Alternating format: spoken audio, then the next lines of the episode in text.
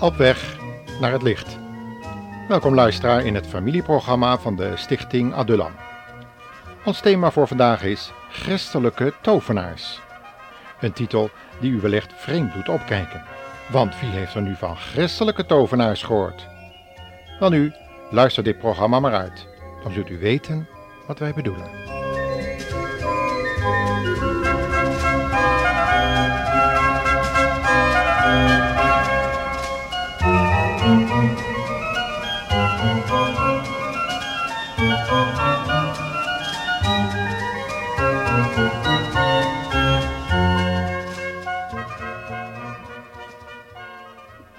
We bevinden ons te midden van een opgewonden menigte.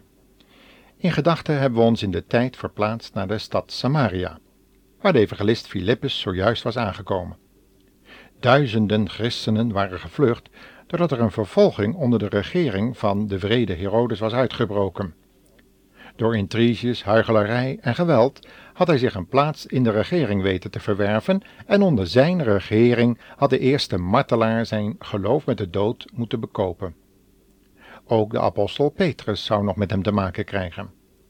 Later zullen we deze vrede vorst echter frustreerd zien vertrekken toen hij hoorde hoe Petrus op wonderlijke wijze uit de gevangenis was verdwenen. We kunnen dat lezen in Handelingen 12. Nog later zou hij zijn hoogmoed en zelfvergoddelijking moeten bekopen met een gruwelijke en langzame marteldood, levend opgegeten door de wormen. Ondanks al dit goddelijk ingrijpen bleef de vervolging aanhouden door de activiteiten van de fanatieke en invloedrijke fariseer Saulus. En vele christenen waren verplicht naar rustige orde uit te zien. De schrijver van de Hebreeënbrief herinnerde de gelovigen aan deze periode, met de volgende woorden uit Hebreeën 10. Vergeet nooit de heerlijke tijd toen u Christus pas had leren kennen. Al had u het zwaar te verduren, u liet de Heere niet los. Nu eens werd u uitgelachen en geslagen, dan weer waren anderen het slachtoffer en leefde u intens met hen mee. Als er mensen gevangen werden gezet, had u net zoveel verdriet als zij. Als uw bezittingen werden afgenomen, bleef u opgewekt. U wist dat u wat beters had, wat nooit meer kon worden afgenomen.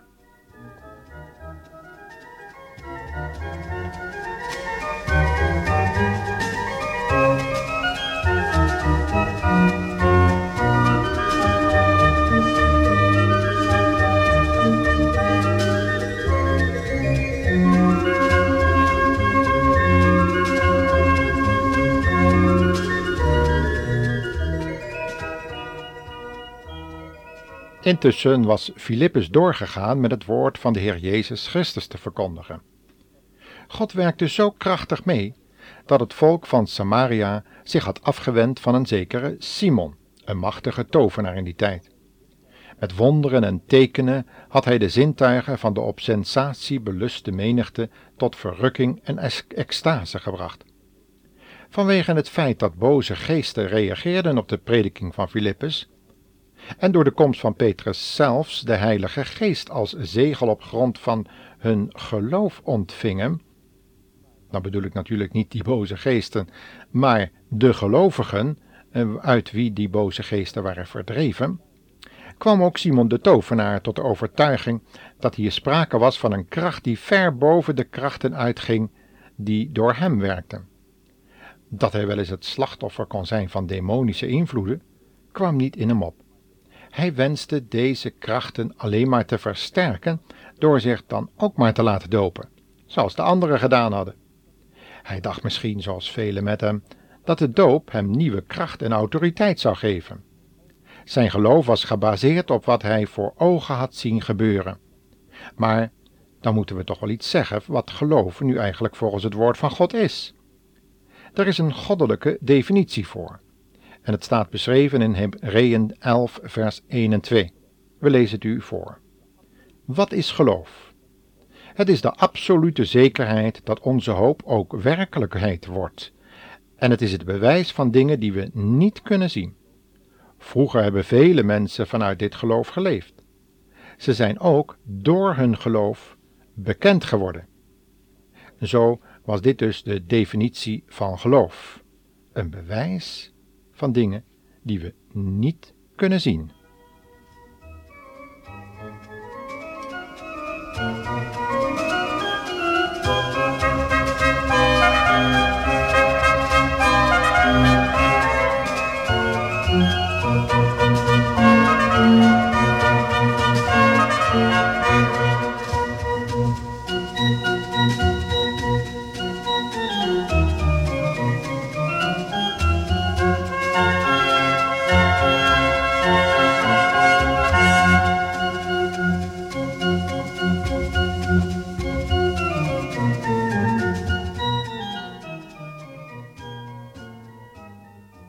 Het is dus duidelijk dat Simon niet op de juiste manier geloofde. Hij hoopte door de doophandeling deel te krijgen aan de, zoals de schrijver van de Hebreeënbrief het noemt, krachten van de toekomende eeuw. En we zullen later zien dat er inderdaad mensen zijn die gebruik maken van deze krachten, zonder echter bij de Heer Jezus te behoren. Zoals zoveel doen, wilde ook Simon best enkele godsdienstige rituele handelingen ondergaan als hij er maar winst en eer uit kon slaan. Paulus waarschuwde voor dat soort mensen in zijn eerste brief aan Timotheus, hoofdstuk 6, vers 5. We zullen het u voorlezen. Voor hen is het goede nieuws alleen maar een middel om geld te verdienen. Toen Simon tenslotte zag dat handoplegging ook nog een bepaalde rol scheen te spelen in het geheel van christelijke handelingen, vroeg hij of Petrus ook op hem de handen wilde opleggen. Ten slotte was handoplegging voor Simon een heel gewoon verschijnsel, omdat men ook in die tijd dacht dat je hiermee geesteskrachten kon overdragen of genezingen tot stand kon brengen. Als tovenaar was hem dit dus niet onbekend. Dat de christelijke handoplegging echter niet een soort overdracht van geestelijke krachten was, maar vooral in dit geval te maken had met het omdraaien van een sleutel, wat Petrus immers in opdracht van de Heer Jezus moest doen om ook de heidenen het nieuwtestamentische gemeente binnen te laten. Maar hier had Simon in het geheel geen inzicht in. Het enige wat Simon de tovenaar interesseerde was de grote invloed die hij door middel van handoplegging dacht te krijgen, zodat hij de mensen nog meer aan zichzelf zou kunnen binden. De plaats die de Heer Jezus en zondebeleidenis in dit alles moest hebben, interesseerde hem helemaal niet. We kunnen dus geruststellen dat Simon een naamchristen was. Iedereen die beleidt dat hij of zij een christen is, maar er niet naar leeft en bovendien aangeeft dat alle christelijke uiterlijkheden alleen maar dienen om eer, geld en invloed te krijgen, is verloren. Al zijn zogenaamde goede werken ten spijt. Jezus zei in Matthäus 23, vers 27 en 28 en ook al in Matthäus 7 van deze mensen het volgende. Blinde fariseërs, maak eerst de binnenkant van de beker schoon, dan zal ook de buitenkant schoon worden. Godsdienstleraars en fariseërs, het ziet er slecht voor u uit. Huigelaars, jullie lijken op witgekalkte graven, die er van buiten wel mooi uitzien, maar van binnen vol doodsbeenderen en bederf. U doet heel vroom en oprecht, maar in uw hart bent u huigelachtig en slecht. Niet alle mensen die heren tegen mij zeggen komen in het hemels koninkrijk, want daar komt u alleen als u doet wat mijn hemelse vader wil. Op de dag van het grote oordeel zullen velen tegen mij zeggen, heren, wij hebben toch in uw naam gesproken? Heren, wij hebben uw naam gebruikt om duivelse geesten weg te jagen en wonderen te doen. Maar ik zal hun antwoorden, u bent slecht en hebt alleen maar uw eigen zin gedaan.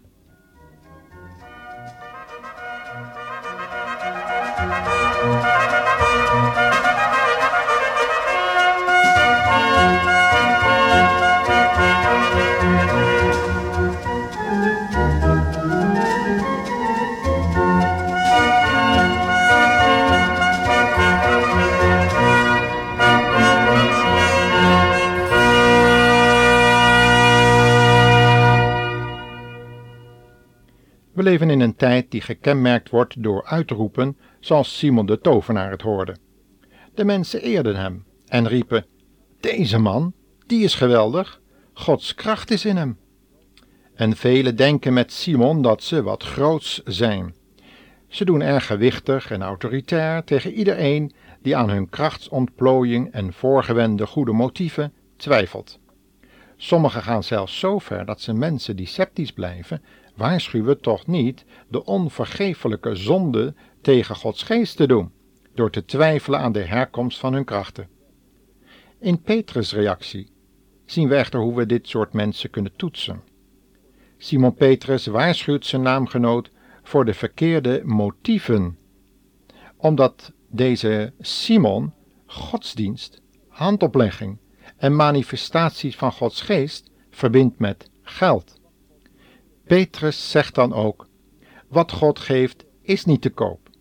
U hebt hier part nog deel aan. U staat niet zuiver voor God. Vreselijk is het dat u met zo'n voorstel aankomt. Kom toch tot inkeer en smeek God of Hij u wil vergeven dat u zoiets hebt bedacht. Ik zie dat u bent vergiftigd door jaloezie en dat u gevangen zit in uw eigen zonde. We zien wel dat Petrus deze Simon de tovenaar helemaal doorzag. En je zou je kunnen afvragen: wat heeft de mensen toch bezield om naar deze man steeds maar weer toe te gaan en naar hem te luisteren?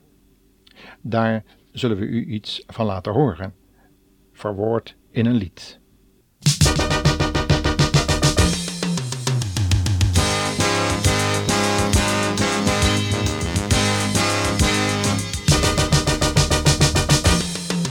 We willen een held, een kampioen, een superster die alles kan doen. Een matador, de nummer 1, het grote idool, hij kan het alleen. We zijn in de ban, we schreeuwen en springen, we vereren graag onze held. We willen de beste, de snelste, de sterkste, dat is alles wat bij ons stelt.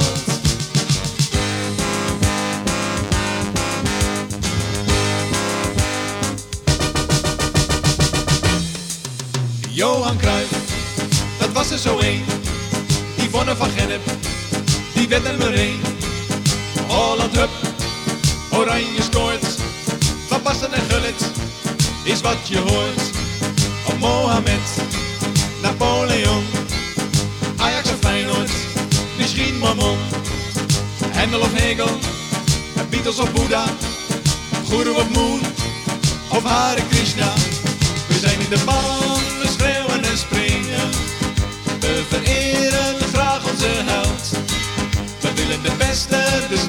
de sterkste. Dat is alles wat bij ons stelt.